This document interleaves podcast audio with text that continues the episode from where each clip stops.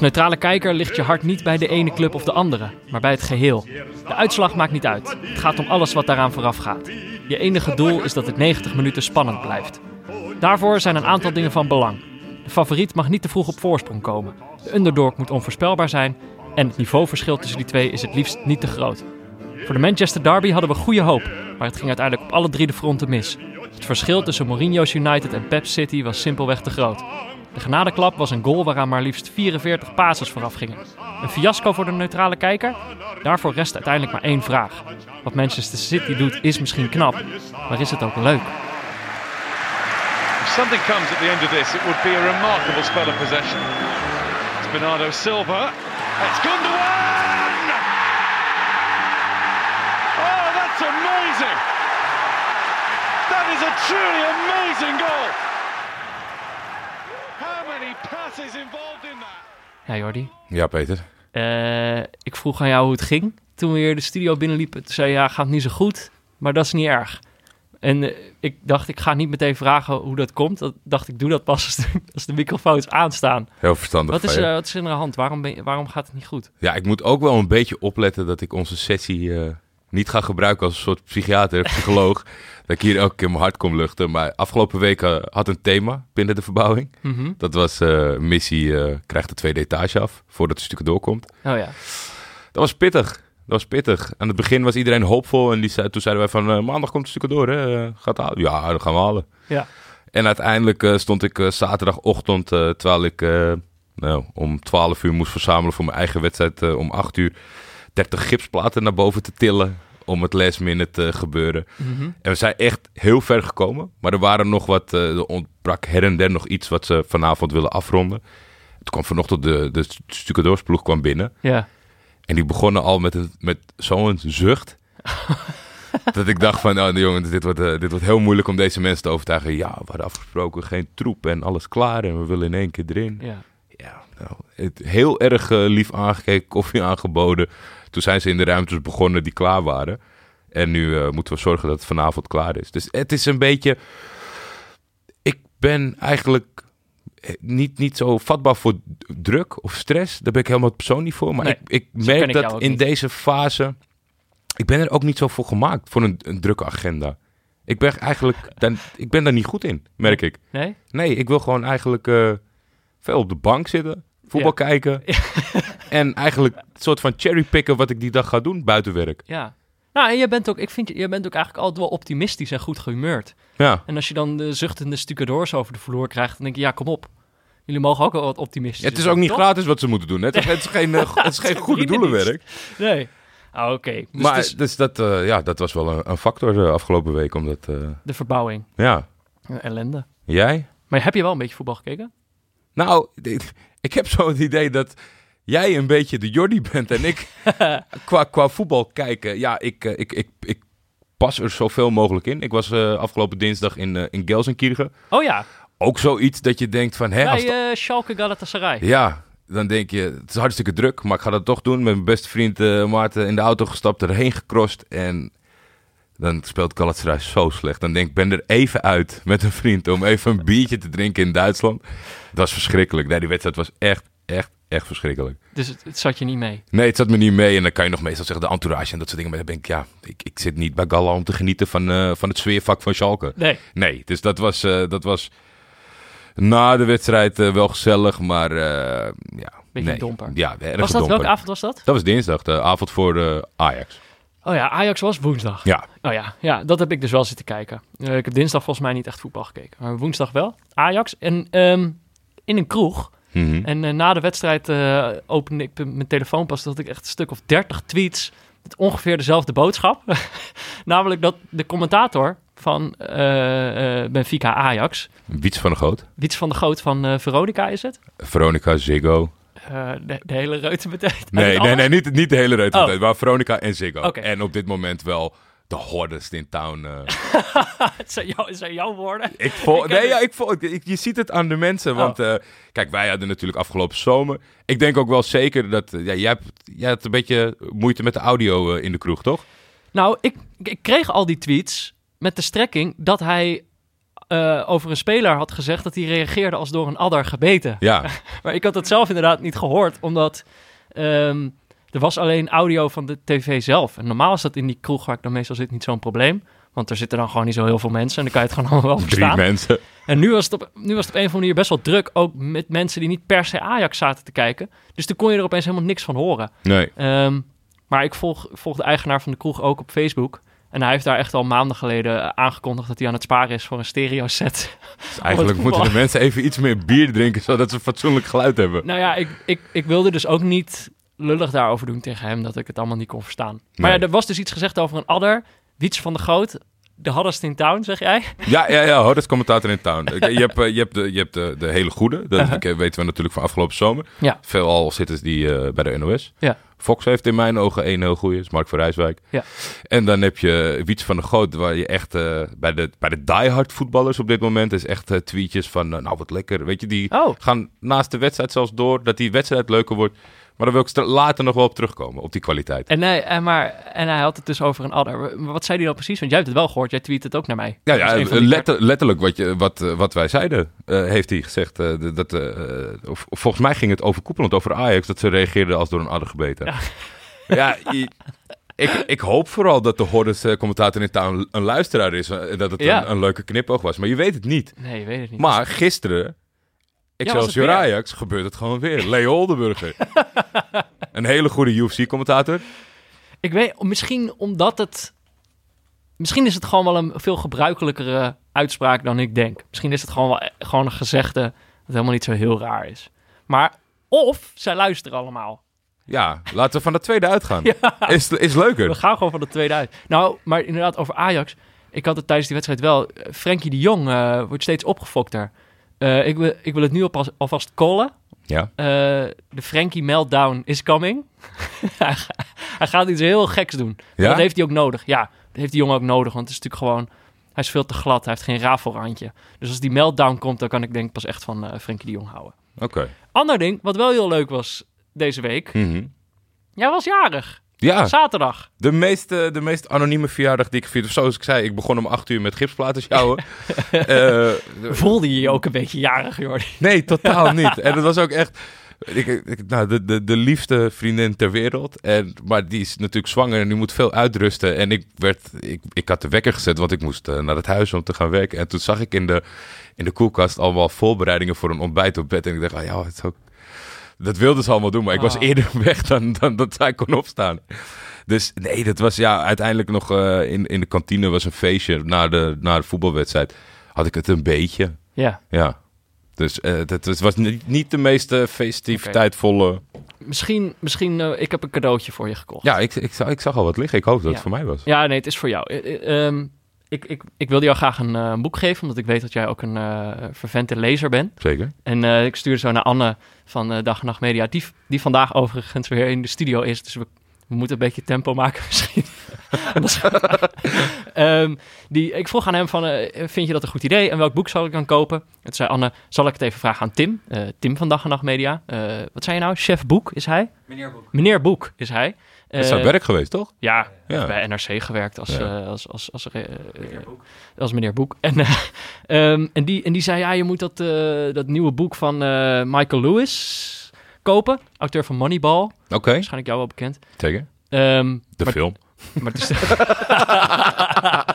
en toen stond ik in de... Toen stond ik in de boekwinkel en toen dacht ik, weet je wat? Ik ga die gewoon lekker niet kopen. Wat, wat weet meneer Boeker nou van? En nou, in ieder geval, ik, ik had zelf, want ik heb het boek ook niet gelezen. Eh, en zijn nieuwe boek wist ik ook eigenlijk niet waarover dat ging. Nee. Eh, dus toen dacht ik, ik ga gewoon iets kopen wat ik zelf heb gelezen en wat ik zelf heel erg leuk vond. Dus eh, bij deze, ik geef jou, ik geef jou hier het boek. Ja, dankjewel. Ja, je kan, hem, je kan hem live gaan uitpakken. Ja, Zal ik ondertussen vertellen wat het is? Of wil je wachten op de verrassing? Nou, het hoeft niet heel lang te duren dit, hoor. Nee, oké. Oh, je bent een snelle Dit, uitpakker. dit is echt, hè. ik ga het nu dicht bij de microfoon uit. Want mensen denken dat we het allemaal in scène zetten. Maar ik ben het echt aan het uitpakken nu. Wordt het scheur? Oh, je scheurt. Ja, je scheurt. Eh? Huh? Ja, het, het boek, ja, dat is een geintje. Het boek is op de kop. oh. Chuck Klosterman. Ja, Chuck Klosterman, dat is de schrijver. Het boek heet But What If We're Wrong? Ja, Eh, een New York Times bestseller. Ja, nou, dat, dat is Word je elk getriggerd vaak? Nee, Nee? nee? dat is volgens mij... Bijna elk boek kan dat zeggen. Dat, dat, dat enigszins veel verkocht is. Eh, maar ehm, de ondertitel is Thinking About the Present as If It Were the Past.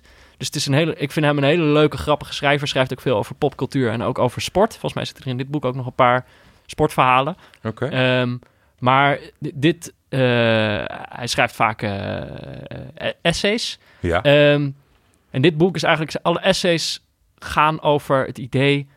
Kijk, als wij naar het verleden kijken, dan denken we altijd, ja, die mensen hadden toen helemaal fout. Mhm. Weet je wel, die deden het allemaal fout. En nu doen we het allemaal goed. Dat is een beetje de standaard manier, de automatische manier van denken. Maar zoals Pieter Zwart ook al zei in de minuut van vorige week, besli- beslissingen worden altijd genomen met de kennis van toen. Of zo. Ja, Ja. dit boek gaat dus eigenlijk over het idee, wat als...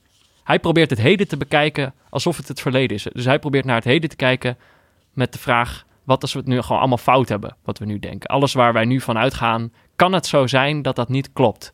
Nou ja, misschien dat, dat, eh, dat je er heel onzeker van wordt. Maar ik, ik vind hem zo'n Hmm. leuke schrijver dat ik hoop dat jij er heel erg van geniet. Ik, eh, ik, heb, ik heb een draadje op Twitter, daar gaat hij zeker eh, binnenkort in voorbij komen. Ik doe Ja. tegenwoordig wat langer over boeken dan, Ja, dan, jij moet dan laten, eh, hartstikke bedankt. Ik. En nou ja, ik ga het vertellen wat ik ervan vond. Ja. En misschien raak ik er wel helemaal Misschien van door in de war. Misschien brand je het wel helemaal af. Dat mag ook. Misschien ze, als je, mocht je nou denken, ik wil toch Moneyball. Ik heb het bonnetje nog. Nee, nee, nee, nee, nee. Ik ga deze lezen. Leuk. Als eerstvolgende. Nou, nogmaals eh, gefeliciteerd. Dankjewel. Ik hoop dat je hier nu alsnog een beetje jarig Oh, absoluut. Eh rectificaties hebben we niet. Nee. Ik weet niet hoe dat komt. Misschien eh, omdat we nu steeds een week hebben, dat we dan gewoon minder fouten maken. Dat we ons gewoon beter voorbereiden. Of, dacht ik, of onze luisteraars worden gewoon een beetje laks. Dat is gewoon slecht te opletten. Nou ja, je hebt voor het social media gedeelte hebben ze wel af en toe een setje in de rug nodig. Want ook nu met voorspellen vinden ze best wel lastig. Als ik dan even een oproepje doe, dan zie je ineens dat mensen Ja. toch weer weer mee willen doen. Dus eh, ja, ze zijn Nee, laks. Ze, zijn laks, ze leunen een beetje achterover. Ja. misschien moeten we hun een beetje rectificeren. Mhm. Er was één iemand die ons mentionde, Ed de Baas heette die. Ja. Die was een hele leuke tweet. Die, die had een zakje, namelijk een zakje noten gekocht bij eh Sebon. Eh, De beste notenbar van de Amsterdam. beste notenbar van Amsterdam. Eh, maar hij tweette daarover, rip uit mijn lijf. Hij vond de noten blijkbaar nogal duur. Ja, Rip uit mijn lijf, maar ik moet iets met mijn geld of zo, zo zoiets zei dat was de strekking. Ehm, maar hij schreef eh, rip uit mijn lijf en dan schreef hij RIP, als rest in peace. Het zag er wel in, in, de, in de complete setting zag het eruit alsof het een autocorrect was. ja, dat, dat wil ik voor hem opnemen. Maar je kan hem toch maar beter, Ja, wij beter ook- even... even Onze fouten zijn ook allemaal autocorrect van, van mijn eigen hoofd. Maar is ook zo. dat moet dus zijn rip uit mijn lijf. Van, wel, RIB. RIB, rip. En dat verwijst namelijk terug naar eh, het scheppingsverhaal. Waarbij eh, eh, Eva wordt geschapen uit de, rib van Adam. Ja. Anyway, ik Ja. dacht Sebon. Jij woont nou toch in de straat bij Sebon? Eh, zeer, er- zeer nabij. Heb je daar nog geld voor? Of is, de, zeg maar, is, is jouw rib zit inmiddels in allemaal gipsplaten? Ik probeer met, met eh, prijzen altijd in prijs-kwaliteit eh, verhouding te denken. Is het waard? met al, ja, precies. Ja. Kan, eh, als ik ergens uit eten ga en het is 40 euro, maar het was niet lekker, dan ben ik daar doodziek van. Ja. Maar als je dan voor 100 euro ergens eet en het was super lekker, dan maakt het me dan wat minder uit. En dat is, uh, Sebon is niet gratis, maar het is ook tien keer duizend lekkerder dan... De beste notenbar van Amsterdam. ja, dan al die volverpakte bak, zakjes. Ja. Maar een aantal weken geleden kwam ik er. Uh-huh. En eh dat was Jesse. Ja. Nou ja, even, even staan kletsen met, eh, met de supergezellige eigenaar. uh-huh, Eh, ondertussen een beetje uitkiezen van ik wil daar een onsje van, daar een onsje van.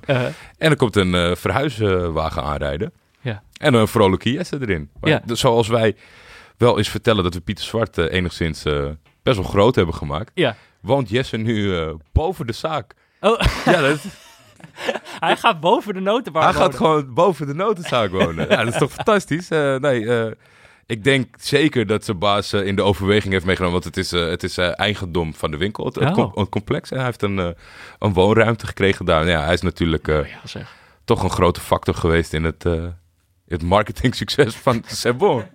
en daar is hij voor beloond. En, Ja. hij zag er zeer content uit. En ik moet zeggen, het lijkt me ook een fantastische plek om te wonen. Zeker, zeker. Ja, gefeliciteerd met je nieuwe woning, Jesse. Absoluut. Hartstikke leuk. Ehm, ja, laten we dan eh, naar, naar... Ja, het heet nog steeds de pot van de podcast. Ik zag wel wat nieuwe suggesties.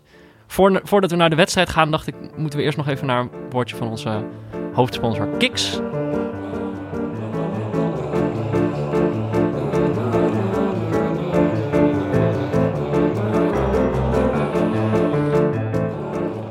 Dit is Eigen Tijden Sport, in samenwerking met onze hoofdsponsor Kiks, waarin we terugblikken op historische gebeurtenissen in het voetbal die waarschijnlijk terecht in de vergetelheid zijn geraakt.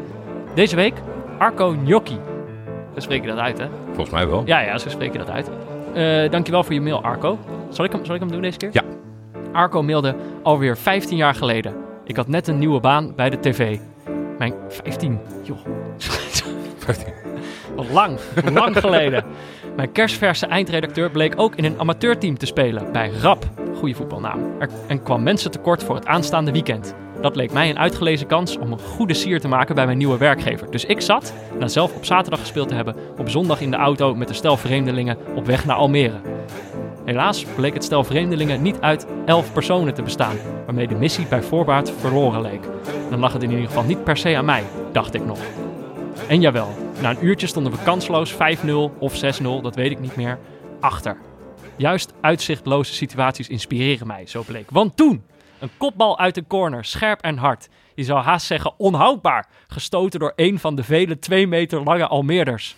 Tussen haakjes, iedere voetballer leek daar op Matthijs de Licht. Maar nee, ik ranselde hem uit de goal. En wel met een choreografisch perfecte omhaal. Let wel, met een omhaal dus. Hè. Let wel, ik beschik over minder techniek dan een aardappel. En ik heb zeker nog nooit met een omhaal gescoord. Ook niet met een kopbal trouwens. Een groot gemis. In ieder geval, met deze gracieuze, spectaculaire omhaal verkwam ik de 6-0. Of dus de 7-0, dat weet ik niet precies meer. En doet er eigenlijk ook helemaal niet meer toe. De wedstrijd en de uitslag deden er ov- overigens ook totaal niet toe. Maar dat is nu juist het hele punt. De actie was van ontstellende, maar waardeloze schoonheid. Als dat geen kunst is. Mijn toenmalige eindredacteur was getuige. Mijn tijdelijke teamgenoten gaven mij verbaasd, maar oprecht blijken van waardering. Mijn contract werd overigens vervolgens door dezelfde eindredacteur niet verlekt. Wat een vervelend einde. Ja, Zo'n mooi verhaal. En dan- ja. Waar, maar ik vind het heel mooi wat hij zegt. Waardeloze schoonheid. ja, Dat is waar wij naar op zoek zijn in eh, eigen tijdensport. ik kan me hier ook redelijk, redelijk goed in verplaatsen. Omdat eh, zeg maar, we in de jeugd gelukkig tegenwoordig wat minder. Maar dat is gewoon persoonlijk voorkeur. Ik kom niet zoveel meer in Almere. Maar Ja. in, toen het jeugdvoetbal ontstond, was natuurlijk daar het nieuwe Walhalla Almere. Met Uh-huh. allemaal kinderen van onze leeftijd. Dus dan moest je elke week eh, die kant op en die bocht uitrijden. En links uh, buitenboys daar, Waterwijk. Verschrikkelijk. En inderdaad, eh, ze zijn redelijk uit te tekenen. De, de, de, de, de, de spelers al daar. De Matthijs de Lichten. Ja, en eh, ja, nee, ja. Ik, ik vind het prachtig. Met een omhaal een doelpunt voorkomen. Ik eh, kan één of twee praktijkvoorbeelden van professioneel voetbal eh, voor de geest halen altijd. En Ja. ik ik vind dat toch wel wat hebben. Ja, ik, mij staat er ook opeens voor de ge- eentje voor de geest. Maar ik, kan, ik weet nou niet meer welke, welke speler dat dan was. Eh, die van mij was. Die, Oh, die van jou? Nee, nee, nee, niet die van Oh. mij persoonlijk.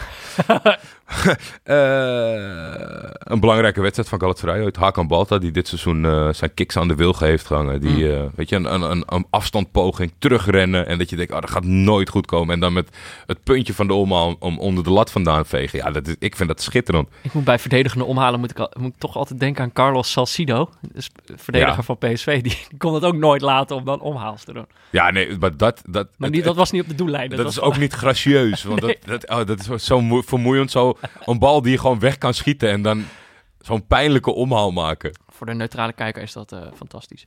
Hey, ja, we daarover. krijgen- we krijgen heel veel mails. We krijgen echt heel veel mails. En we zijn één keer per week.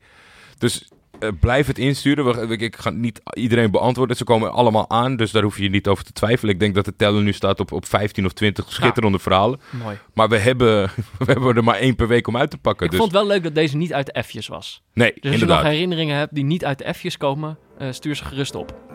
Want Arco is natuurlijk niet de enige die ooit op historische wijze een bal van de lijn haalde. Dit seizoen van Neutrale Kijkers gaan we op zoek naar jullie voetbalmomenten die waarschijnlijk terecht totaal in de vergetelheid zijn geraakt. Heb je ooit een penalty gemist op een belangrijk moment? Scoorde jij ooit een omhaal toen niemand keek? Heb je wel eens een hakje gedaan? Stuur het ons op. Mail je eigen historische voetbalmoment naar neutralekijkers.gmail.com. Wij geven jou de aandacht die je verdient in eigen tijden sport.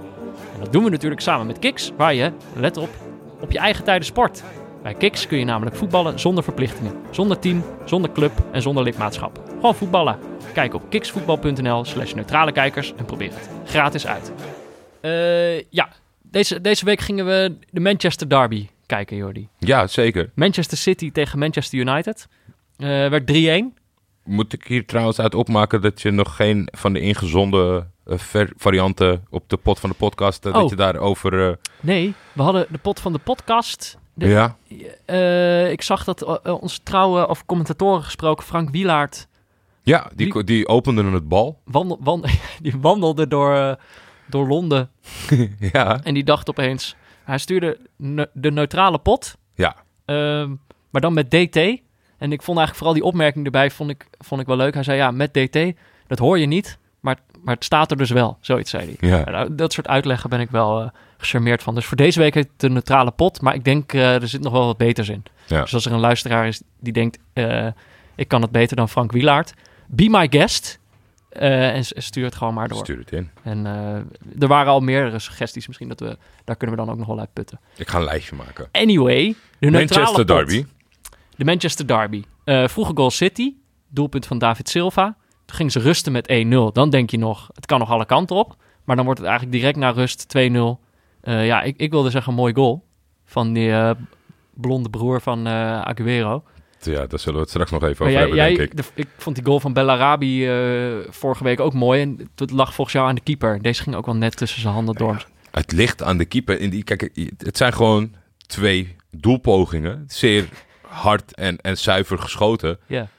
Maar zoals de commentator bij Ziggo ook zei, ja, de, keeper gaat wel door zijn hurken. Dus je, hij zakt, terwijl als hij blijft staan, ja, het kan echt een hele vervelende op je neus worden, maar daar sta je wel voor. ja.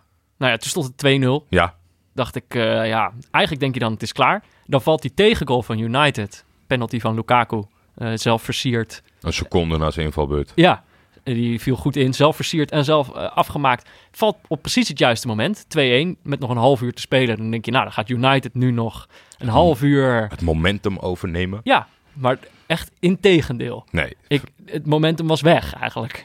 Nee, klopt zeker. en in de Eh. slotfase was het uh, Gundogan die er nog 3-1 van maakte. Ja. Was Ja. dit een wedstrijd waar de neutrale kijker warm van wordt? Ik denk het niet. Ik denk, ik, ik, dus op voorhand, het is, het is moeilijk, hè? Achteraf, eh, achteraf Ja. valt makkelijk. Ja. Koen de komt kijken. maar dit, met de uitvoering was dit hem zeker niet. Nee, want eh, dat, is, dat klopt. Want ik vond eigenlijk in, in, Potentie? in potentie juist wel. Ja. Omdat, eh, omdat je toch om, om, omgeven van die ploegen eigenlijk echt geeft.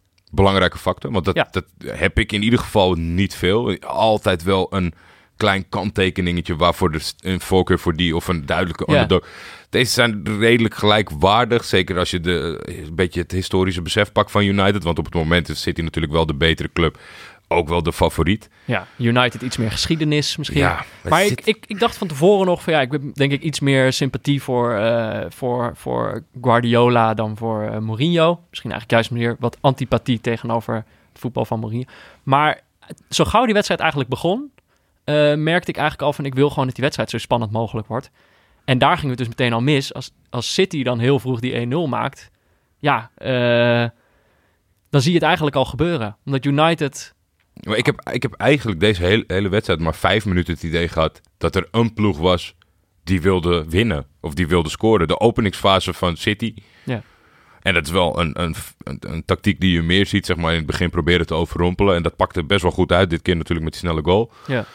Maar daarna schakelt eigenlijk het, het alom geprezen voetbal van de, de, de, de keizer Guardiola.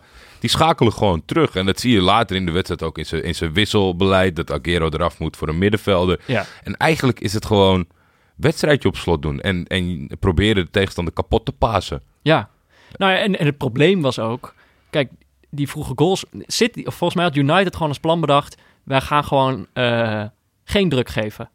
Nee. Want als je druk gaat geven op City, dan ben je zo gezien. En als je ze, eigenlijk zijn ze, ze zijn ze beter als je ze druk geeft. Dus je kunt ze beter geen druk geven. Volgens mij was dat het plan. Maar als je dan heel vroeg een goal tegen krijgt, ja, ga je dan opeens wel druk geven of ga je dan gewoon door op dezelfde manier? Maar daar wordt het dus niet op het moment dat City dan dus ook denkt van wij gooien het op slot en we gaan gewoon lekker pasen. Ja, dan zie je gewoon twee ploegen die, die inderdaad allebei niet echt achter de bal aangaan of zo. Nee, maar dat wordt natuurlijk mega moeilijk. Want eh, ze hebben specifieke kwaliteiten. Maar op het moment dat je moet omschakelen naar een doelpunt maken. En het brein eh, wat daarvoor moet zorgen is Fellaini, Ja. Matic en een verschrikkelijk slechte Ander Herrera. Ja, die heeft slecht. echt gewoon zes keer een bal ingeleverd bij een tegenstander. Terwijl die is normaal toch helemaal niet slecht? Ik had in mijn hoofd juist... Nee, het die- ho- hij, is, hij is niet zo slecht als hij, als hij deze wedstrijd was. Nee. Maar ik vond het ook raar van, van Mourinho om, om het maar te gedogen. Kijk, er waren natuurlijk is altijd een heerlijk cliché, vind ik dat, hè? Je kon ze alle elf wel wisselen. Ja. Zo slecht waren ze. maar ja, je moet... Maar als je Herrera niet wisselt in dit duel, wat voor signaal geef je dan af? Wat mag je dan allemaal doen? Hij heeft echt letterlijk... Hij is vier keer goed weggekomen met een bal inspelen in de voeten van de tegenstander op een Ja. gevaarlijk moment. Ja, maar het is e- eigenlijk gewoon het probleem. Eh, je had gewoon niet het idee dat, dat wat jij zegt, United leek gewoon niet echt te willen winnen of zo. Ze hadden in ieder geval geen zin om, om, om te gaan jagen of om, om echt te laten zien dat ze er achterna zaten. Het het is, het is ook zo'n interne mismatch. Als je kijkt naar Rashford, Martial. En Ja. dat moet dan samenspelen met, met Matic en met Fellaini en met Herrera. Het, het, het, ik- het past niet zo goed bij elkaar. Ik vond het echt, ik vond het best wel, die voorhoede was best wel zielig. Die stonden Ja. op de helft van hun eigen helft dingen af te wachten. Terwijl het zijn hele sierlijke, avontuurlijke Eigenlijk voetballers. was ik daar wel, toen ik het op papier zag, eh Martial, Rashford en Lingard, dacht ik dat, dat zijn best wel, eigenlijk best wel een leuke aanval. Veel Ja, leuker oh, dan ik. Lingard had het ook niet makkelijk. Nee. Die werd als eerste geslachtofferd, want die heeft ook echt amper een bal aangeraakt. Ja. Nee, het, het, het, het, het hield niet over. Maar volgens mij, wat jij zegt, heeft denk ik een beetje te maken met wat ik eerder, ehm, eh, eerder zei, volgens mij over Napoli. En dat is voor Ja. mij dan wel echt belangrijk om, om, zeg maar, enthousiast te kunnen worden van een ploeg. Is om, als die ploeg een soort herkenbare identiteit heeft. United heeft dan op zich wel veel geschiedenis. Maar eh, ik vind op dit moment zou je niet over een speler kunnen zeggen... dat is nou echt een United-speler. Die zou naar United moeten gaan. Of er is niet één speler aan te wijzen waarvan je zegt... die staat echt symbool voor dit United. Terwijl je kunt wel veel duidelijker zeggen van... dat is echt een City-speler. Ik vind wel dat Guardiola zo'n ploeg meer een herkenbare identiteit geeft dan Mourinho doet. Kijk, Mourinho kan de ploeg wel karakter geven. Je kunt wel zeggen, deze ploeg speelt zoals een ploeg van Mourinho. Dat viel deze wedstrijd ook een beetje tegen. ja, Maar, dat, maar zeg maar, eh, je kunt over City zeggen van het is helemaal bij elkaar gekocht. Maar dat is United natuurlijk ook. Maar bij United is het echt een bij elkaar gekocht zootje. Wat jij zegt, allemaal spelers die niet echt bij elkaar passen. Ja, nee, dat, ik, ik vind het altijd hilarisch. Want in het korte verleden ging Mourinho heel vaak zeggen over... Het is voor ons niet bij te benen. Die andere gasten kopen maar. Ja. En dan denk je, ja... ik weet niet wat Sanchez verdient. Ik, wat Pogba gekost heeft. Over het algemeen, volgens mij nu niet meer echt het meest uitgeven. Maar het is een tijd lang de trainer geweest die het meest heeft uitgegeven. Ja. Ik denk, ja, hoe kan je dat nou verzinnen? Het is, het is, is echt gewoon één, één, één keer op Google en, en je wordt gedebunked. Maar toch geeft zo'n man dat dan aan. En nee, ja, ik, ik, ik, vind, ik vind allebei echt niet leuk. Nee. En dit was wel een soort van bevestiging daarvan. Nou, ik vind, ik vind de City denk ik nog wel leuk. Ik Ja, wel? op zich nog wel.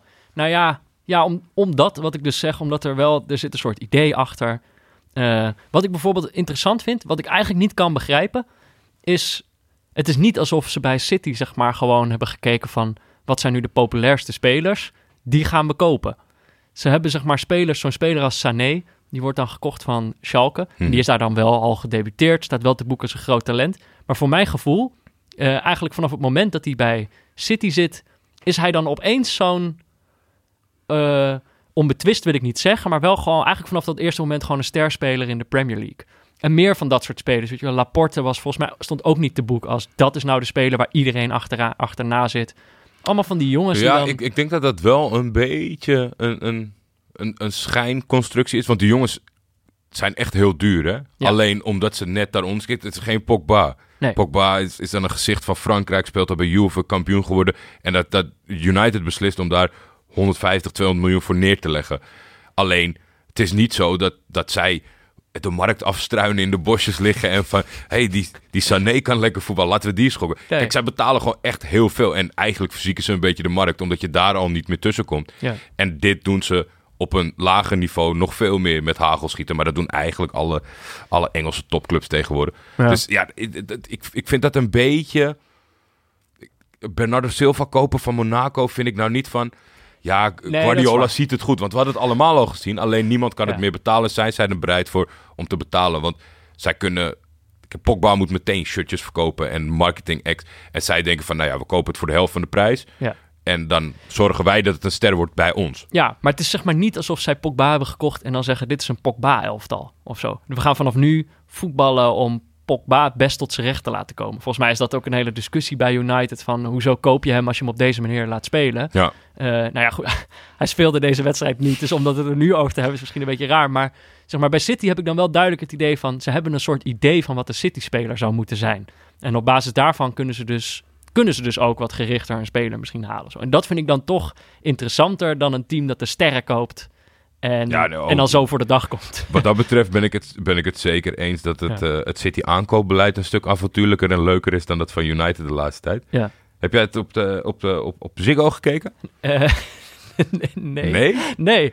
Ik had, nee, maar ik had wel echt een goede stream. Ja, eh, met eh, Martin Tyler als, eh, als commentator. de FIFA man. De FIFA-man, ja. Dus dat voelde op een, op een of andere manier heel vertrouwd. Iemand die ik al heel vaak heb gehoord, maar niet zo heel vaak bij echte wedstrijden. Ja, we hadden het dus in het begin even over de hottest commentator in town. Wiet van de Jouw, Groot. jouw woorden. Mijn Ja. woorden. Ja. Maar dat, he- dat heeft er ook nu wel een beetje voor gezorgd. Hij doet veel topduels. Mhm. En eigenlijk een beetje de wedstrijden die we met z'n allen kijken. Dus dan... Deed hij zou- deze wedstrijd ook? Nee. Oh. Nee, en dat, Oh. is dus, dat is dus nu eigenlijk wel een soort van teleurstellende factor bij Ziggo. Dat je inschakelt, want ik zal je even vertellen. Jij zit in het digitale draaiboek dat we hebben. Ik Ja. heb een papiertje liggen. Ja, je hebt een heel oldschool papiertje. Omdat eh, ik had met een heleboel zaken geen rekening gehouden. Ik moest eh, eten eh, bij mijn schoonouders. was super gezellig. Uh-huh. En toen dacht ik van, ik ga het nog net wel halen. Toen dacht ik, oh shit, eh, babycursus. We hebben babacursus op zondag. Uh-huh. Dus ik heb mijn telefoon, het is geen grap, ik heb mijn telefoon op vliegtuigmodus gezet. Uh-huh. En bij goede vriend Chapal eh geappt van, eh, ik heb even jouw inlog nodig. En toen ben Oh ja. ik zonder telefoon thuisgekomen, ingelogd, alles uit. En toen ben ik het integraal terug gaan kijken. De hele wedstrijd. Oh, wauw. Dus ik wist, ik wist het, het is gelukt om zonder uitslag, maar ik heb hem wel om, om s'avonds pas om tien uur aangezet. Vandaar dat ik, ik wilde ook jouw aantekeningen niet zien. Dus vandaar dat ik met een Ah. papiertje zit. Maar toen, dan begin je, ik denk van nou, eh, leuk, zin in. En Wietse zal hem wel doen. Ja. Albert Manting, ja, verdomme. Ja, dat is die... die echt geen, geen kwaad woord hoor, over de inhoud. En Niks, eh, niks, eh, niks verkeerd gezegd. Niet overdreven man die gaan zeggen, terwijl die Mandy heet en zo. Ja. Oh, keurig. Maar geeft die wedstrijd geen extra schwung. Ja, dat heb je wel nodig. Zeker met dit potje Ja. had je het nodig. Want de commentator kan best wel een beetje helpen in de beleving. Zeker als je zeker. neutraal bent. Nou, en dat kunnen, dat kunnen die Engelsen volgens mij ook gewoon wel echt wel goed. Ja, Eh, op een of andere manier weten die echt van, eh, van, van de saaiste Premier League pot weten ze nog wel iets, iets, iets, iets spannends te maken in eh, Match of the Day en zo. Op een of andere manier ik vind het toch altijd leuk om te kijken. ja het, dat, dat, daar word ik altijd een beetje, een beetje rilling van als ik het zo lees. Dan staat er voor de laatste goal Ja. gingen 44 Nou, passes aan vooraf. ik heb- Vertel. Kijk, jij was vorige week, vorige week zei je al, Guardiola paast mij vaak in slaap. Klopt. Iemand. En dit was op de, in deze fase van de wedstrijd was dat ook zo. Eh, ik had het je- ook zwaar. Het was wel een stuk later dan bij jou, maar ik Ja. had het echt zwaar. Maar dit is de, de slotfase van de wedstrijd. Zij staan eh 2-1 voor. Het idee dat United nog iets gaat doen, ben je op dat moment al lang kwijt. En dan staan ze, staan ze maar te tikken. En soms is gewoon echt vier keer heen en weer tussen dezelfde twee spelers. Hè? En dan denk ik, ja, zo'n getal is 44. Wat zegt dat dan? Op het moment dat die goal van Gundogan valt, dan zijn die commentatoren, dus eh, Martin Tyler en die anderen, die zijn echt helemaal extatisch over dat er 44 keer, zeg ze, 44 keer gepaast voor deze goal. En dat zegt mij dan gewoon helemaal niks. Dan denk ik, ja, eh, zeg maar, dat geeft mij geen gevoel. Dus eigenlijk heb ik precies hetzelfde als wat jij Ja, hebt. Dat ik denk, gelukkig. dat geeft mij geen gevoel. Dat ik vind het niet bijzonder klinken. En ik vind het eigenlijk ook niet belangrijk. Eh, het is niet, Is er nog een maar? er is een maar. Ja, Ik denk, ga je nu helemaal vertellen wat mijn verhaal is? Ik wil nu overtuigd Nee. worden waarom het wel belangrijk is. er is een maar. En dit, en dit vind ik dus wel, dit maakt het neutrale kijken soms dus gewoon wel echt leuker en interessanter. Is eh, meteen na zo'n wedstrijd staat natuurlijk weer gewoon een stuk van Pieter Zwart online. Daar- Ja. op, op een of andere manier zit hij gewoon aan die wedstrijd te kijken. Het is wel af als die wedstrijd eh, klaar is. Hij had dus een heel groot deel van dat stuk. Gaat hij gewoon heel gedetailleerd die 44 passes na. Niet elke paas natuurlijk, maar wel een paar beslissende momenten in die 44 passes. Waarbij hij ook laat zien van het is, het is niet alleen maar balbezit houden. Het is ook zeg maar strategie om een ploeg die eigenlijk geen druk zet. Dus die ploeg van United dat ze... om, om stuk voor stuk al die spelers uit positie te lokken. Dus dat begint eerst met de centrale middenvelders. Tadic, die, die op een gegeven moment druk, toch een beetje druk gaat zetten. Matic. Eh, oh ja, Ma- zo, Matic. Eh dankjewel, live rectificatie. Ehm, uh, die druk moet gaan zetten. Later ook het centrale duo dat uit positie gelokt wordt. Waardoor op een gegeven moment, als die paas komt, Gundogan gewoon in zijn eentje daar staat voor de keeper. En hem dan gewoon goed aanneemt en goed afmaakt. Dat moet dan natuurlijk ook nog wel. Maar ik vond dat Pieter wel echt goed inzichtelijk kon maken van... ehm, eh, wat dan die beslissende momenten zijn. En wat er dan zo belangrijk is om die vier... Waarvoor ze die 44 passes dan nodig hebben om zo'n muur van twee linies... om daar doorheen te komen. Toen had ik toch een soort bewondering voor die goal. Toen dacht ik, oh ja, ik snap wel wat, waarom je zou zeggen... oh, knap dat ze dat, vier, dat ze dat geduld hebben... en dat ze op die manier toch door die twee muren heen komen. Dus ik ging, daardoor kijk je wel op een andere manier naar zo'n eindeloze passing streak. Ja. Maar, Ja. en dit is de vraag die ik dus in de intro al stelde. Het is knap wat ze doen. Dus ik kan daar een soort bewondering voor opbrengen. Maar is het ook leuk? Mijn antwoord daarop zou dan toch zijn: niet echt. Nee. En dan komen we aan bij een soort ander. Vorige week, toen we een beetje op deze wedstrijd vooruitblikten, toen zeiden we: het kan mooi worden of walgelijk.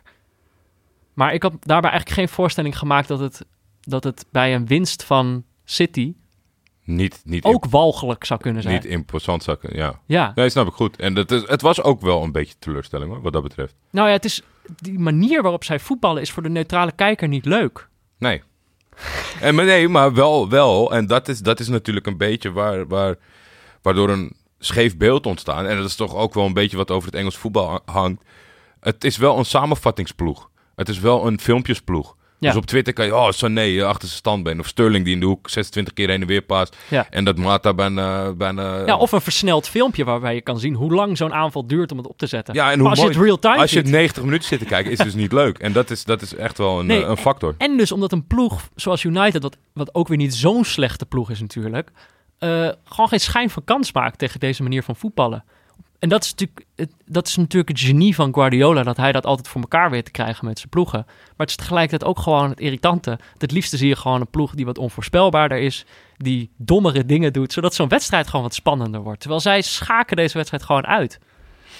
Nu gaan we ons op, op glad ijs begeven, denk ik. Want ik, ik, ik, vind Eén ik, de rest is nog één vraag om te beantwoorden. ik vind dit altijd een hele moeilijke... eh, om, om de, ja, nou, ik ga het gewoon... Het kapsel van Aguero. ja. Kan dat nog als je 30 bent? Nou ja, ja, ik had, het, ik die wedstrijd dus samen met een vriend gekeken. En hij was wel echt resoluut over. Hij zegt, het kan gewoon niet meer als je 30 bent. Ja, ik, ik, ik wil dus die ontzettende, ontzettende open-minded persoon zijn altijd. Ja. En dat heb ik ook gehad, zeg maar, met de, met de Memphis-discussie. Ja, ik, zal, ik, zal, ik zal, ja, maar ik zal nooit wat zeggen. Het, het, laat ik het zo zeggen. Ik ben daar zo blind voor. Ik zie niet dat hij een hoed op heeft als hij naar binnen loopt. Nee, Dat, daar heb ik geen oog voor. nee. Maar ik heb wel gehad toen hij scoorde. Volgens mij was dat toen tegen Luxemburg. En dat hij soort van even zijn gelijk ging halen naar de camera toe. Dat ik denk van, doe nou niet. Ja, Je bent gewoon goed. Laat iedereen lekker lullen, weet je. Dus, maar ik vind dat heel moeilijk, want hij moet doen wat hij wil. Van mij trekt hij zijn shirt uit, trekt hij zijn broek uit. vind ik allemaal goed. en dat is ook met, dit, met deze zilvergrijze look van was Aguero. pla- maar platina blond was het. platina blond. ja. Eh, nou, ik vind... eh, eh, Ik denk dat die gasten zich gewoon vervelen. En dat dat heel veel van dit soort dingen veroorzaakt. Ja, fuck it. Ik zet gewoon... Heb je de tattoo gezien in de nek van de keeper van City? Dat is, Dat is dat is een smiley, toch? Dat is toch pure verveling? en dat je, dat je hartstikke veel geld hebt. En ja, Ja. Nou, dat denk ik ook wel. Maar die vriend van mij gaf als voorbeeld en zegt... Kijk, je hebt Jody Bernal. klopt. Lijkt een beetje op Aguero. Toch? Ja, Ze lijken een beetje op elkaar. Ja. Maar ook, zeg maar, je bent al heel erg lang bekend. Dat heeft Aguero ook. Die debuteerde toen hij 17 was of zo. En eh, vanaf dat eerste moment wordt gezegd, hij, eh, hij is fantastisch. Hij is nu 30, dus die draait ook al een tijdje mee. Maar hij zei, ja, bij Jody Bernal heb je dat ook een beetje. Die doet nu mee aan Expeditie Robinson. Dat is dan nog een beetje zijn, zijn claim to fame nu. Maar dan zie je de hele tijd, omdat hij dan natuurlijk geen t-shirt aan heeft... dan zie je de hele tijd die tatoeages. En die vriend van mij, die vond zo duidelijk, zei hij, ja... tatoeages zijn zo duidelijk van een soort andere tijd. Eh, van, van een tijd waarin Jody Bernal gewoon nog, wat was het nou? De hottest, de, de hottest in town was. dat is hij gewoon niet meer. Ik vind dan moet je gewoon iets degelijker oud worden. Ik vind bijvoorbeeld David Silva, vind ik gewoon zo'n speler, die heeft op een gegeven moment gewoon besloten: ik ben kaal, het gaat gewoon niet meer lukken. Ik scheer me gewoon kaal vanaf, dit, vanaf nu is dit wie ik ben. Ja. En zeg maar, Aguero is op zijn dertigste, denkt hij nog dat hij een soort rockster van 17 is. Het mag, maar ik, vind, ik krijg er wel altijd een beetje een ongemakkelijk gevoel bij. Dat je inderdaad denkt, je verveelt je gewoon te erg. Ja. Ga gewoon, zoek, zoek een hobby. naast het voetballen. Ik denk dat we ook gewoon in deze hoek moeten blijven. Eh, van ons mag alles, Ja. maar we gaan het wel... Nou, ik vind als je het ma kijk, Memphis is geen 30. Die gast is hartstikke jong en dan gaat iedereen zitten vuren op wat voor kleren die aan heeft. Dat vind ik dus gewoon. Ik vind je moet je kop houden over die hoed en het heeft ook niks te maken met hoe die speelt en zo. Maar ik vind op zich, als je, als je dus inderdaad zo tegen de 30 bent, dan, moet je gewoon iets sierlijker oud worden. Denk ik. gewoon goede vrienden zoeken. Als je goede vrienden hebt, gebeurt dit niet. Daar ben ik 100% van overtuigd. ik zat dus, eh, voor die, eh, voordat de wedstrijd begon, zat, zat, zat Paulo Zabaleta in de, in de, in de, in de studio. Eh, en toen, die, Die is dus van die generatie met Ja. Messi. En dat, maar die Maar ziet die- er oh, 500 uit. nou, die gast ziet er echt al uit alsof hij 50 is, inderdaad. maar die, ze vroegen toen aan hem, zo van- want hij was de avond daarvoor was hij met Aguero gaan eten. En toen vroeg ze zo, ja, wat vind je van zijn kapsel? Maar daar wilde hij niks over kwijt. Maar die was inderdaad een stuk degelijker eh, oud geworden. Die zei, ja, hij moet... Ja, maar daar moet je toch, als het dan een goede ik dacht- vriend, daar moet je toch een grap over maken. Dan ga je toch niet zeggen, nou, eh, geen mening. Jouw leven. nou ja, we hadden de wedstrijd voorspeld. Jij was er bijna, hè? Ja, ik had, ik had 4-1 voorspeld. Ik zei dat de slachtpartij zou worden en dat Mourinho naar de tribune zou gaan. Weet je, ik hoopte dus echt een beetje op spektakel. Jij had 1-2 voorspeld. Ja, Mourinho boven Pep, altijd en overal. Dat maar dat was steeds? ook, ja, ze waren allebei, ze waren allebei niet... Er zat, geen vuur in die wedstrijd. En Nee. dat- misschien komt dat ook wel omdat zij het zo uitstelde. Hij stond netjes te wachten tot Guardiola naar buiten kwam. Handje geven. Ja, en na de wedstrijd ook meteen een handje geven. Mourinho was, eh, was heel... is- hij zat er niet lekker in. Hij is uitgeblust. Hij moet weer gek doen, vind ik. Ja. Hij moet... Nou ja, hij heeft, Een week geleden nog op het, midden, op het middenveld gestaan met eh, twee handen langs zijn oren bij moeten, meer, Juventus. we moeten meer adders op hem afsturen, denk ik. Dat is de bedoeling. Eh, maar Ja, iemand heeft het goed voorspeld, Ja. deze wedstrijd. Het is voor het eerst dit seizoen. Dus we hebben een primeurtje. Dus ik ga niet eh, de nootjes brengen op de scooter, kan ik je vertellen. Want deze man woont in Canada. Ottawa woont hij. Ottawa, Jan Wendrich. Ja, dus Grote, groot voorspeller, meeste voorspeller van afgelopen zomer. hij, hij, eh, hij, hij heet Jan Wendrich. Hij heeft dus een mooie bloem als profielfoto op Twitter. Schitterend. Hij woont in Ottawa, Canada. Hij heeft sinds mei 2008 154 tweets verstuurd. Waarvan dus één de juiste voorspelling voor deze wedstrijd. Maar jij ging ook even terugscrollen door zo'n timeline. Al zijn tweets zijn gewoon voorspellingen voor neutrale kijkers geweest. Ik denk, eh, ik denk dat wij zo goed zijn voor eh, een derde van Jans tweets. En dat vind ik super. Maar hij had het denk ik nog nooit goed. En nu dus wel. Ja, Dus gefeliciteerd Jan. Eh, we moeten even kijken of we, of we iets kunnen doen. eh, om, om je alsnog te belonen. ja maar ik ben bang dat de verzendkosten van de noten duurder zijn dan de noten zelf Ja. naar Canada. Ja, en we hadden op je Twitter-tijdlijn gezien dat, dat het dan voor jou eigenlijk al niet meer hoeft. Nee, nee dus, dus eh, misschien ben je binnenkort een keer in Nederland. Dan kunnen we, laat het weten. Ja. Of als je wat anders wil, groetjes doen. Ja. Goh, oh, je mag de groetjes doen. Zodat Ja. het- Dat hebben we ook in een andere podcast gehoord, toch? nou ja, we verzinnen wel. We komen er nog wel uit. Eh, weet je wat Pieter Zwart nu aan het doen is? F- scrummen. Ik denk dat hij aan het scrummen is nu. Kijk een pressing. Kijk een pressing. Op het moment dat ik deze woorden uitspreek is het 8 uur 's avonds en loop ik net de VI-redactie af. Daar ben ik 12 uur eerder binnengelopen met het plan om een stuk over Sarri uit te werken. Dat leek haalbaar. Ik had alle beelden al bekeken, de screenshots waren gemaakt en het artikel stond de steekwoorden al klaar. En toen was daar om half, uur, half tien de eerste vergadering. Gevolgd door nog zes overleggen. Om een uur of vijf hoorde ik mezelf in de backlog-sessie iets zeggen over lazy loading als denkrichting bij het verwerken van native advertising aan de backend. Dat had weinig met Chelsea te maken. En dus spoed ik me nu naar een sportforum op Radio 1 met een Sarri-stuk dat slechts voor 80% af is. En dan moet ik ook nog deze minuut opnemen. Ik hoop dat Memphis deze week in Oranje wel ruimte kan vinden voor zijn creativiteit. Kijk een pressing. Kijk een pressing.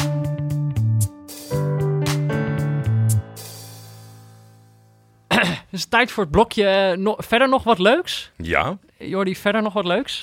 Ik heb, jij hebt wat dingen in het script gezet, maar dat, is- voor mij is het werkelijk geheimtaal. Geheimtaal, ja? Eden Hazard, yoga. Ja, nee, ik- soms eh, ben ik zo beknopt.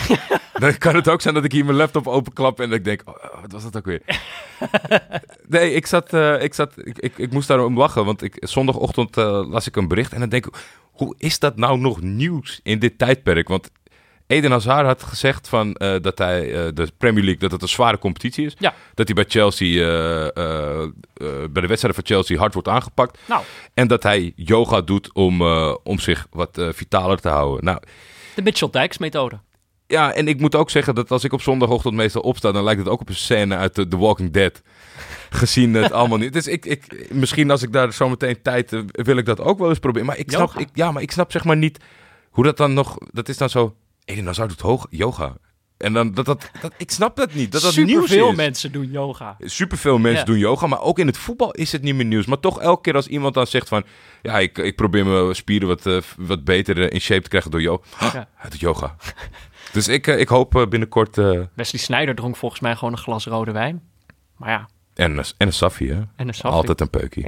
Altijd een peukie. Ieder zijn eigen ding. Ja, is- dus ik, ik, ik hoop dat eh, het stigma rondom voetballers die yoga willen doen eh, verdwijnt. ja, eh, want volgens mij echt serieus- aankomend. Twee, drie jaar geleden was er inderdaad zo'n stuk over Mitchell Dijks... die dan zijn carrière pas echt op het juiste pad had gekregen... op het moment dat hij... Dat wel, heeft, de- dat heeft de yoga niet goed gedaan. Ik weet ook niet of hij het nog steeds doet. Dat is ook voor hun spannend. Dat elke keer als ze voetbalzone open... Oh, Robben, Hazard. Dijks. goh. Daar gaan al onze leden. Het is geen goede reclame voor de yoga. Het tweede punt was... Ja, dat, is, dat komt natuurlijk omdat jij zo jong bent. Maar ik zat te kijken naar Genkamp. Ja? Een hele vervelende tegenstander in voetbalmanager altijd. Oh ja. Daar speelde eh, Lyon tegen. Eh, Lyon kwam op bezoek. En Memphis op dreef, we hebben hem al, al benoemd. Hij had twee assists en twee goals. Oh ja, ja, dat heb ik al gezien. Dat doet het altijd keurig. En toen zag ik dat de doelpuntenmaker bij Kenkamp, die had er ook twee, die heette Turam. Dus ik ging even kijken. Dat was de zoon van Lilian Turam. Oh. De, de fantastische rechtsback altijd. En ja, ik, ik werd er een beetje, een beetje emotioneel van. Ik zag dat die jongen geboren was in 97 bij Pa- in Parma. Zo. Dat is natuurlijk ja, van, van een fantastisch elftal. Wat daar, waar ik heel graag naar keek. En wat echt een hele goede ploeg was. En ik vind het dan mooi dat dat, dat dan boven... Natuurlijk helpt het dat hij Turam heet. En Ja. hij heeft allemaal jeugd in het land gespeeld. Ik ben benieuwd hoe goed hij echt is. Maar hij heeft twee keer gescoord tegen Lyon. Dus, Dus het zal wel terecht zijn. Hij is een beetje Marcus heet de- hij trouwens. De Justin, Marcus Thuram. Zij- De, de, de Justin Kluivert van, eh, van, van Parma 97. Ja, ja, ja. Ik, ik, ik- dan moet ik hem, eh, dan moet ik hem eh, Een keertje voorzien. dichter, dichter gaan volgen om daar een oordeel over te hebben. Oké. Je had nog wat. Ja, deze, deze wel. Ik vroeg eh, Ik of weet jij ook, het dit is had ook gezien. geheimtaal voor mij. Ja, dat snap ik. staat. Maccabi Petah Tikwa. Mhm. Dat is een ploeg in de Ja, hoogste divisie van Israël. Ja, nou, dat, dat kon ik nog raden, denk ik. Die wonnen 0-1 uit bij Maccabi Netanya. Mhm. En wat gebeurt er nou? Eh, er is een speler geblesseerd. Het is de slotfase. Oh, ik heb dit wel gezien. Heb je het wel gezien? Ja, ik heb dit wel gezien. En Habib Habibou, Mhm. een, eh, een, een zeer fijne spits die ik, eh, die ik vaak heb zien spelen in de, in de opmars van Zulte Waregem. Ja. Prachtige naam voor een voetbalclub, Zulte Waregem. Ja. Maar die werden steeds beter in België onder zijn aanvoering in de spits. En hij was helemaal bezorgd en hij was zijn teamgenoot aan het verdedigen. Maar wat gebeurt er nou? De scheidsrechter fluit niet.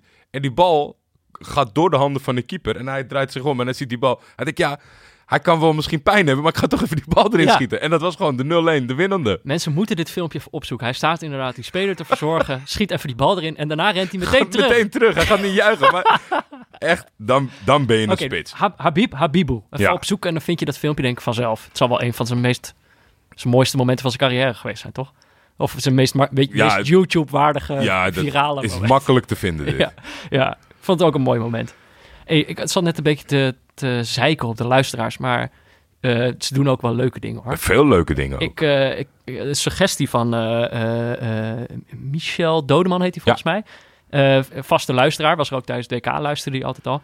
Eh, en hij had, hij had een, een citaat gevonden van een speler die hij eigenlijk leuker vond dan de piano, zei hij erbij. hey, dan ben ik meteen scherp, hè? Want piano is voor mij wel een beetje de, de, de, de, de mijlpaal, zeg maar. Daar, eh, vanaf daar meten we.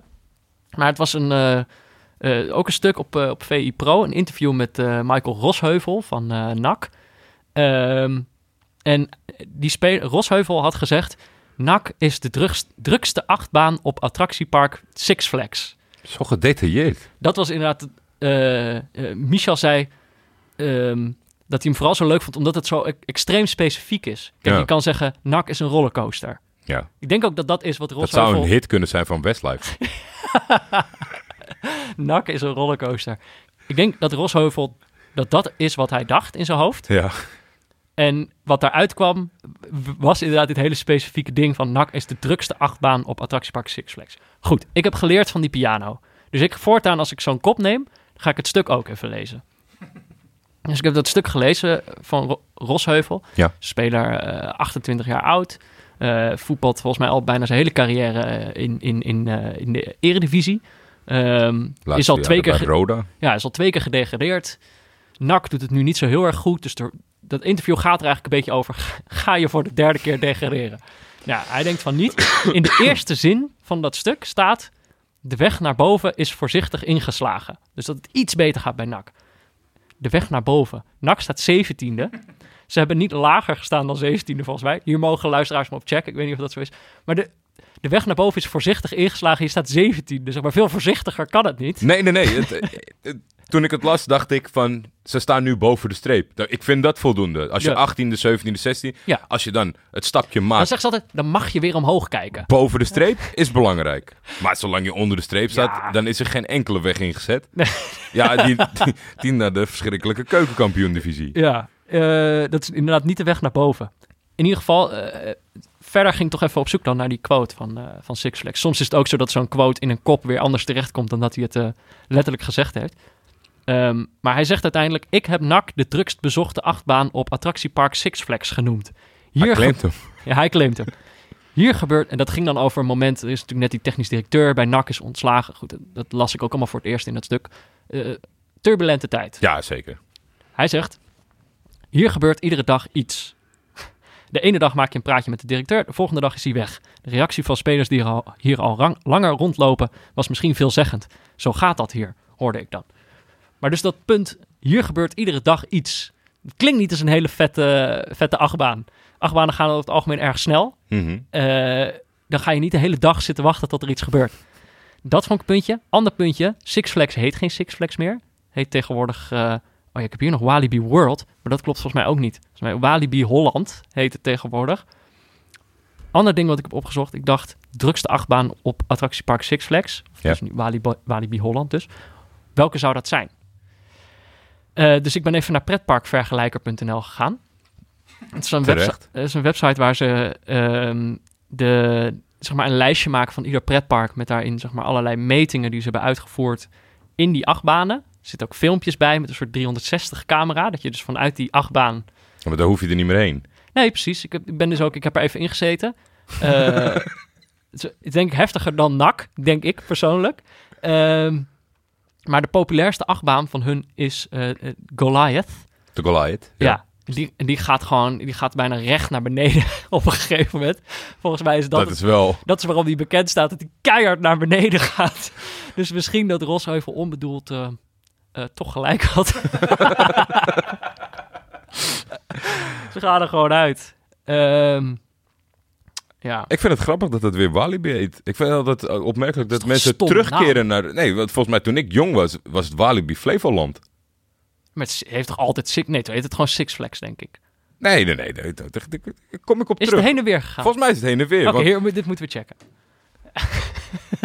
is, die, is die website trouwens ook van eh, Michiel Veenstra? Die is toch Oh. van de pretparken? Pretpark podcast schijnt echt een ding te zijn. Eh is helemaal het ding dit jaar. We komen niet in jullie vaarwater hoor. Dit is een eh, eenmalig, eenmalig uitstapje door Roosheuvel, meer niet. Ja. Ik had nog een ander ding gezien, wat ik, wat ik heel erg leuk vond. Ook een speler waar ik het eerder over heb gehad. Javairo Deel Rozen.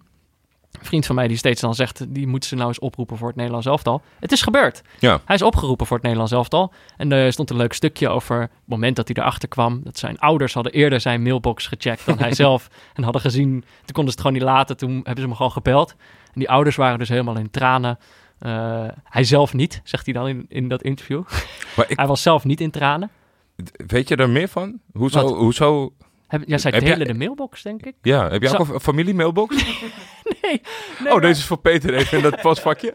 Opmerkelijk verhaal. Ja, nee, ja, maar ik denk misschien is Hij is jong, maar hij mag best wel Gmail hebben, toch? Van zich, voor zichzelf. Ik denk misschien is het zo'n constructie waarbij zijn vader min of meer zijn zaakwaarnemer is. Ah, dat, dat toch kan. kunnen? Dat kan. Ja, dat, dat, dat of is... dat, dat hij gewoon, om hem gewoon alleen maar met dat voetbal bezig te laten houden, dat zij hem ook gewoon wat je... ja, Maar, hoe is dat, sinds wanneer word je gemaild als je naar het Nederlands elftal... heel Dat is onpersoonlijk. toch raar? Ja. Ga die gast gewoon eens bellen, man. In ieder geval, dat is niet het ding waarom ik het zei. Hij vertelde dat, in het stuk vertelde hij ook dat Bergwijn, eh, natuurlijk ook geselecteerd, stuurde hem een berichtje. Eh, of hij al wist welk liedje hij ging zingen bij zijn initiatie. Ja. Dat is zo'n... Het is overkomen waaien. hè. Oh, is het overkomen waaien? Dat is eh, ja, overkomen waaien. Andere culturen. Oh, Nee, dat ja, is... ik vind het zo'n onderbroekentraditie. Ja, vind je? Domme, ja. Ha, dan moet hij een liedje zingen. Het is natuurlijk het is een moment van Je moet ontgroening. even het ijs breken, toch? Dat is waar. Ik heb er twee gevoelens over. Enerzijds denk ik, vind ik het heel kinderachtig. Dan denk ik, ja, dat is grappig, want dan moet die nieuwe speler moet zichzelf dan voor lul zetten. Terwijl, ja, waarom moet je dan zingen? Kan toch helemaal niet? Misschien moet je dan gewoon, weet je wel, vertellen wie je bent, is volgens mij soms al spannend genoeg. Dat vind ik. Aan de andere kant denk ik dat die spelers dat nog steeds doen. Ja. Vind ik toch erg, omdat het zo'n kwetsbaar moment is om te gaan zingen. Ja, maar dat is ook een beetje hilarisch geweest, vind ik altijd. Er, was natuurlijk, er is altijd veel kritiek geweest van... Koptelefoons, Playstation worden gek van. Ja, Maar die gasten zitten ze ook... moeten weer kaarten. Ze zitten gewoon te kezen en te kaarten. Dat, dat doen ze gewoon. Maar dan, daar hoor je niemand over. Want die gasten zitten gewoon de hele tijd op Instagram stories. Zie je ze gewoon kaarten leggen. En ze refereren daarna in, in, in eh, interviews dat ze dat doen. Ja. En dan wordt het allemaal genegeerd. Alleen, ik heb met deze, waarom het ook... Je moet niet altijd alles over laten waaien. Want als je dit ziet bij de Franse selectie... Ja, Dat is waar het dan is smullen. ja. Maar dat zijn swingende jongens die, die, die niet op, kant, wil Hans- op kanté na. Maar die wordt dan ook toegezongen in plaats Ja. dat hij zelf een liedje moet zingen. Ik wil, ik wil Hans Hatenboer niet horen zingen. Nee, maar dat wil Hans Hatenboer niet. En zijn teamgenoten gaan hem ook niet stimuleren als hij staat te zingen. Dus ja, moeilijk, moeilijk. Ehm, maar hij- zei zelf, hij ging waarschijnlijk iets van Drake doen. Dus een Mhm. beetje rappen, een beetje, een beetje zingen. Dan dacht ik al van, nou, vind ik een mooie, mooie moderne keuze. Ehm, maar wat ik me eigenlijk afvroeg, eh, wat zou jij zingen, Jordi? Stel, jij werd nu nog Ik, geselecteerd. ik, ik hoopte dat je iets anders ging vragen. nou, je moet, het, je moet het zo zien. Ik, eh, ik, ik, ik luister veel rap en hip-hop. Mhm. Ik ben lyricaal, ben ik verschrikkelijk. Ik lees graag boeken, maar ik versta geen teksten op mijn koptelefoon. Soms kom ik na een jaar, zit ik op scooter. Oh, dat zegt hij. Dus ik ben echt heel slecht met teksten onthouden. Mhm. En wij wonen natuurlijk eh, in Nederland. Ik heb Turkse roots. Dus wat gebeurt er als er ooit eh 15 jaar geleden iemand een hitje had? Ja, Als dat dan opzet. Hey, Jordi, Tarkan, haha. Dus dat is Dat echt zou je maar doen. Dat is gewoon een, dat is voor mij gewoon een knop omzetten en dan ratel ik die mee, omdat ik die gewoon, ja, die zit erin gestampt. Tarkan. Ik, eh, over het algemeen eh, vinden mensen dat nog steeds leuk om Ja. Tarkan te luisteren. Dus jij zou Tarkan zingen? Ik denk het wel. Ik zou denk ik eh, alle 15 coupletten van het Wilhelmus zingen. het zijn er 15, we zingen er altijd maar eentje.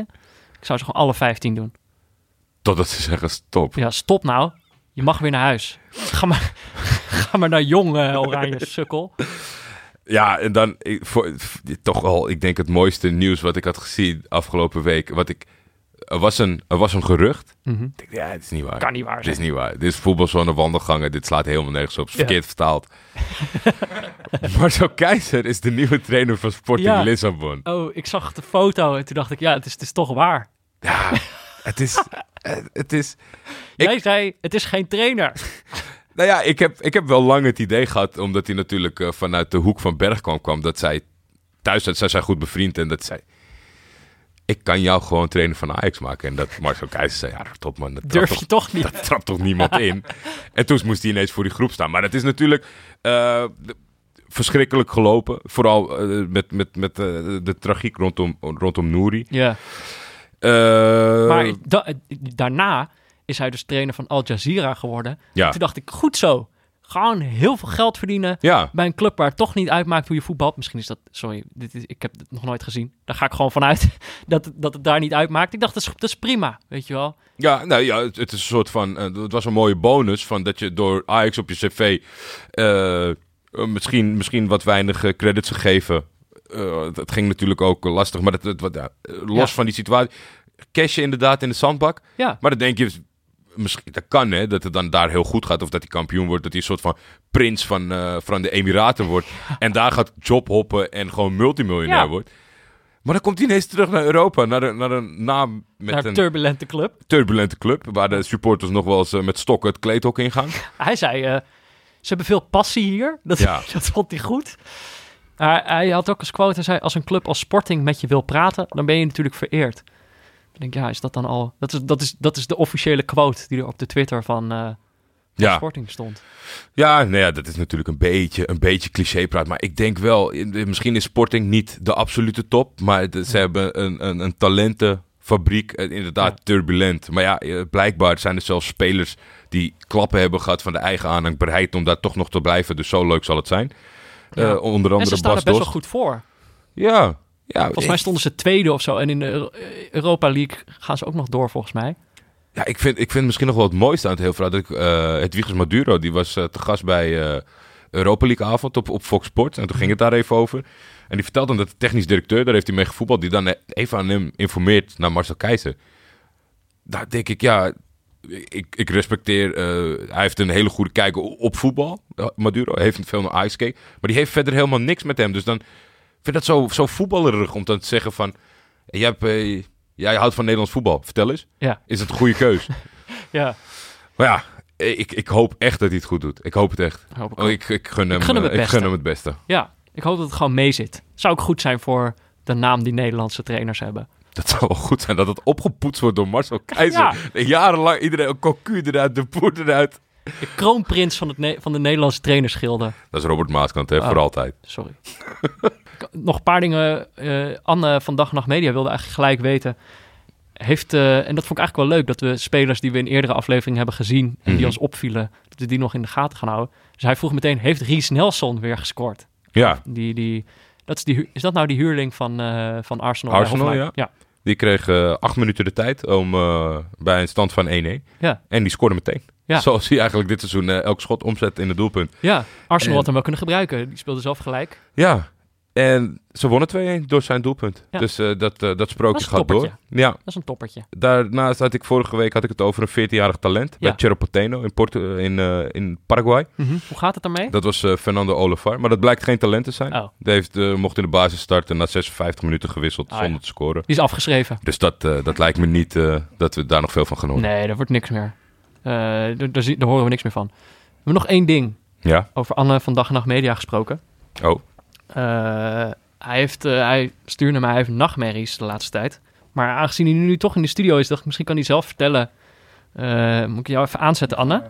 Ben je, ja, dit ben jij, hè? ik denk wie stelt dat die gozer in die hoek, maar het is gewoon Anne. Dit is mijn debuut, hè? Dit moet ik een liedje zingen. ik zou altijd Whitney Houston zingen. I will always love you. Echt? Hard en hoog en vals. Hele nummer. Laten we het in dit geval dan niet doen. Jammer. ik heb nachtmerries gehad, Peter. Ja, nachtmerries, ja. Ik, ik, Ernstig. ik Al het. twee weken zo'n beetje. Waarover? Ruben van Bommel. Ruben van Bommel. Hebben jullie het gelezen? Nee. Mark van Bommel heeft een zoon. En hij voetbal bij PSV. En wat is er nou gebeurd? Begin november kwam ik een berichtje tegen op voetbalprimeur. Dat Ruben van Bommel eh, met PSV onder 15 heeft gewonnen van Ajax onder 15 door twee goals van zijn, eh, van zijn Oh, voet. God. En de schrik. eh, ah. Ik, ik kreeg nachtmerries, angstzweet brak me uit. En dit deed me weer denken aan die tijd dat Mark van Bommel de arena verwoestte. Eh, alles, Ja. het veld, de spelers, het publiek, mijn hart. Ja, En ja, wat er nu bij PSV gebeurt, is voor de niet-neutrale kijker met een Ajax-hart natuurlijk niet best. Nee, Dat gaat helemaal niet de goede kant op. Ik, eh, ik denk dat als je als objectieve, nou ja, of subjectieve Ajax ziet gewoon kijkt, dat je denkt dat PSV weinig punten gaat morsen dit seizoen. zo. En je staat er al een paar achter, dus dat wordt heel moeilijk. Maar dat er dan een nieuwe Van Bommel aankomt Je dacht dat je van hem af was? om Ja. de boel te verstieren. Ik dacht dat we klaar waren met die hele dynastie. De Van Marwijk uit, de picture. Mark van Bommel stopt met voetballen. Nou ja, een beetje anoniem mee met Bert. Ja, Naar de, de hele wereld over zijn we vanaf. Ja. Wat gebeurt er nu? Dat gaat helemaal de foute kant op. ja en- Mark van Bommel is aan een triomftocht bezig. En in zijn kielzog komt er een kleine Ruben aan met hetzelfde kapsel. Zo'n vieze krul voor één oogje. En dan verwoest hij ook nog de Ajax-talenten. hoe oud is hij? Ja, onder 15 speelt hij. Jij zit, jij zit nu eh, een onder de 15 jongen. Ik maak me erg ernstige zorgen, dat is het meer. En dus Ja, ik- wat is- ik ben gaan doen, joh. Ik ben, Ja. ik ben gaan googlen. Ik dacht, hoe zit dit? Eh, en tijdens het googelen kwam ik een, eh, een oud stukje tegen uit een dagboek van Mark van Bommel uit de podcast The Bugle. Voor je het niet kent, moet je maar eens opzoeken. Die hebben toen acht jaar geleden tijdens de WK hebben ze een, een, eh, een ochtend in het leven van Mark van Bommel beschreven. En dat gaf echt wel een goed inkijkje in de psyche van de Van, de van Bommel. Mhm. En ik dacht, eh, eens kijken of Ruben van Bommel ook een dagboek heeft. ja, was even googlen, maar ik heb het gevonden. oké. Oh. Een dagboek-entry van Ruben de dag na eh, de winst Op Ajax. op Ajax. Oké. Oeh. Ja. Zal ik, het, ik het voorlezen? Ja, ja ik eh, ga er wel even recht voor zitten. Maar eh, ja, kom maar op.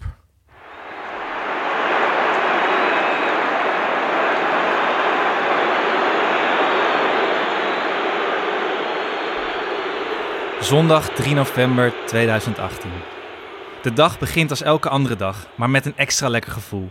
Waar simpele zielen wakker worden met vogeltjesgeluiden, knalt er bij mij boegeroep uit mijn wekker. En live opgenomen fluitconcerten uit de Johan Cruijff Arena. Gekregen van opa Bert toen ik twee werd. Niets motiveert me meer dan dat, dus ik spring met twee gestrekte benen uit bed, zoals echte Van Bommels doen, en trek de kleren aan die die twee Mexicanen die in de schuur wonen voor me hebben klaargelegd. Op de gang groet ik de trots van de familie. De ingelijste rode kaart die papa kreeg in zijn allerlaatste profduel tegen Twente. Een afscheid om van te dromen natuurlijk. Ik slide de trap af naar de keuken en ik hoor het vertrouwde geluid van papa die discussieert met de Senseo-machine. Wat een man. Zijn cornflakes druipen van de muur en overal knallen vlammen uit een elftal open haarden. Want kachels jongens, die zijn voor Ajax-fans. Ik gooi nog een stapeltje kookboeken van Shane Kluivert in het vuur. Die fik is zo lekker duurzaam. Geef mam zijn schouderduw en neem plaats met een elleboogje op tafel. Twee goals maar, kleine. Ik had er drie in 2005, schreeuwt papa me toe. Daarna plaatst hij routineus zijn vinger op één neusgat en snuit een kloddersnot uit het andere wel gemikt op onze hond Wiedemeijer. Hij gebaart naar zijn ogen en dan naar mij. Ik hou je in de gaten, wil hij daarmee zeggen. Hij doet het iedere keer als hij me ziet. Ik weet het, pa. Ik kom eraan. De dynastie leeft voort, maar geef me nog heel even. Ik ben Ruben van Bommel. Dan moeten we naar de wedstrijden van volgende week. Ja, interlandvoetbal. Interlandvoetbal. Ik heb daar twee... Boe. Boe. ik heb daar twee gevoelens bij. Enerzijds voelt het heel erg als thuiskomen. Ja, Dat ik denk, eh, eh, ik ken ze. ik ken, deze jongens ken ik.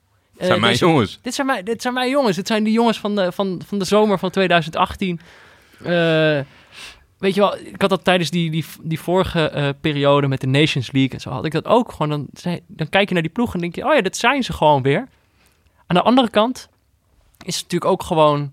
Kijk, nu doen Nederland en Turkije doen gewoon weer mee of zo. Ja, Eh, of tenminste, in Turkije's geval, ze zijn aanwezig. ze, Meedoen is belangrijker dan winnen. ze staan op het veld. Ja, dat is echt het Turkse motto. Hè? Als, je, als je Turkse voetbalwedstrijden kijkt, dan eh, draait ze alleen maar om het meedoen. Is, is, ja, Maar ja, we hebben weer we hebben de drie op een rijtje gezet. ja, tips en keuzes. Tips en keuzes.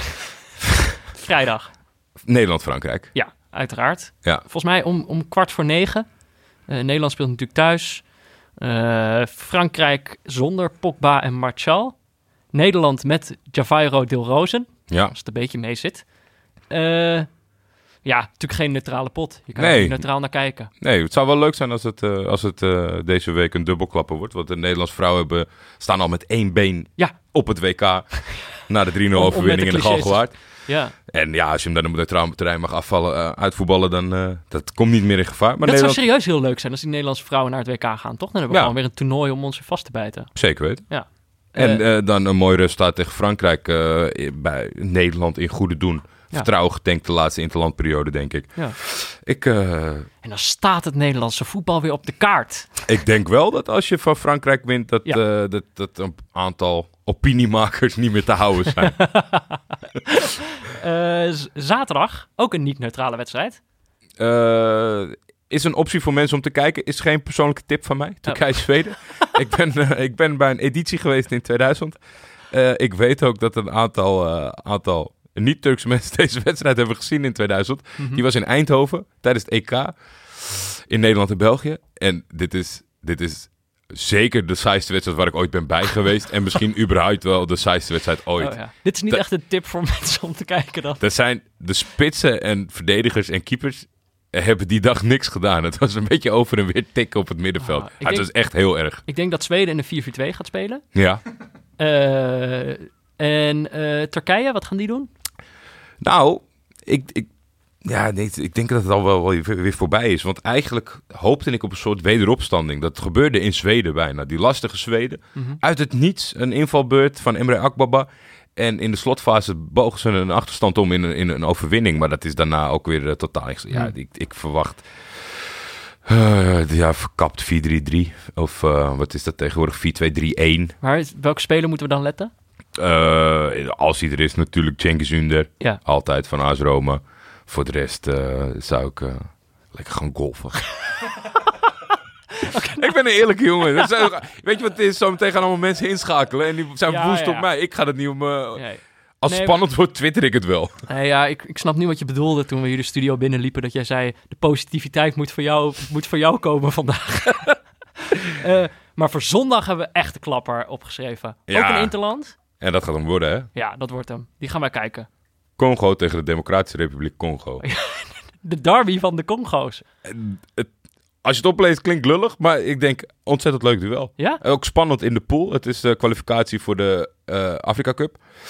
En eh even Ook kijken. een leuk internationaal Ze toernooi. staan twee, eh, twee om drie, geloof ik. Eh Democratische Republiek Congo staat tweede in de pool. De eerste twee kwalificeren zich.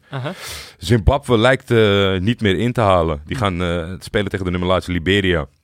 Maar het gaat dus echt om het, om om het de plek ticket. Ja, om de plek 2. Wow. Oh, dus het gaat, het gaat nog echt ergens over ook. Oh ja, dat gaat zeker ergens zo. Het is, het is een kwalificatiewedstrijd. Zondag half vier. Ja. Is zou het ergens legaal te kijken zijn? Eh, dat wordt denk ik wel lastig. Eh, dat wordt eh, elkaar helpen met streams, denk ik. Ja, dat komt wel goed. Ik, ik, ik ga er achteraan. Ja, Bilal Soufiani, dat is, even kijken, een, een, van, nou ja, eigenlijk de twitteraar voor het Afrikaans voetbal Mhm. in Nederlands timeline. Die gaat, die gaat mij daar en ons wel bij helpen om dat te faciliteren. leuk. Ook zo leuk dat je ineens een stream ziet vanuit Nederland. Dat allemaal mensen Congo, Democratische Republiek Congo zitten te kijken. Ja, ik ben echt benieuwd. Lijkt me wel leuk. Ja, Eh, is- En kijk, ik vermoed, mijn vermoeden, en misschien zijn, zijn, het, zijn het ook weer allemaal vooroordelen, maar dat ik denk, zeg maar, voor het neutrale kijken zei ik van, is het fijner als je, als je geen dicht getimmerde ploegen tegenkomt? Ik heb zo'n vermoeden dat Congo en Democratische Republiek Congo, Ja. als het er echt om gaat, gaan die ploegen er gewoon allebei vol voor. Als, inderdaad. En ik, ik, ik denk dat deze heel hoog gaat scoren. En dat het moeilijk wordt in de aankomende mm, eh, periode voor clubteams. Om, om dit qua leukigheid voor de neutrale kijker te overtreffen. Ja, nou, we hebben hem nog goed verkocht. Denk het Derby wel. van de Congo's. Wij gaan hem in ieder geval kijken. Ehm, zijn we nog iets vergeten? Nee, ik denk het niet, hè? Nee, Zijn we er door? yes. Oké, voor nu was dit Neutrale Kijkers in samenwerking met Dag en Nacht Media. Veel dank aan onze hoofdsponsor Kiks, aan Pieter Zwart voor zijn diepteanalyse van de werkvloer, aan Barry Pirovano voor de schitterende illustratie, Laurens Collet voor de gegenpressing jingle en aan Studio Cloak en Leon Liesner en Friends voor de muziek. Dus, stuur je voorspelling door of stuur gewoon een ander leuk berichtje naar mij of Jordi op Twitter of laat een recensie achter in je podcast-app. Eh, volgende week zijn we er weer. Tot dan, Jordi. Tot dan, Peter.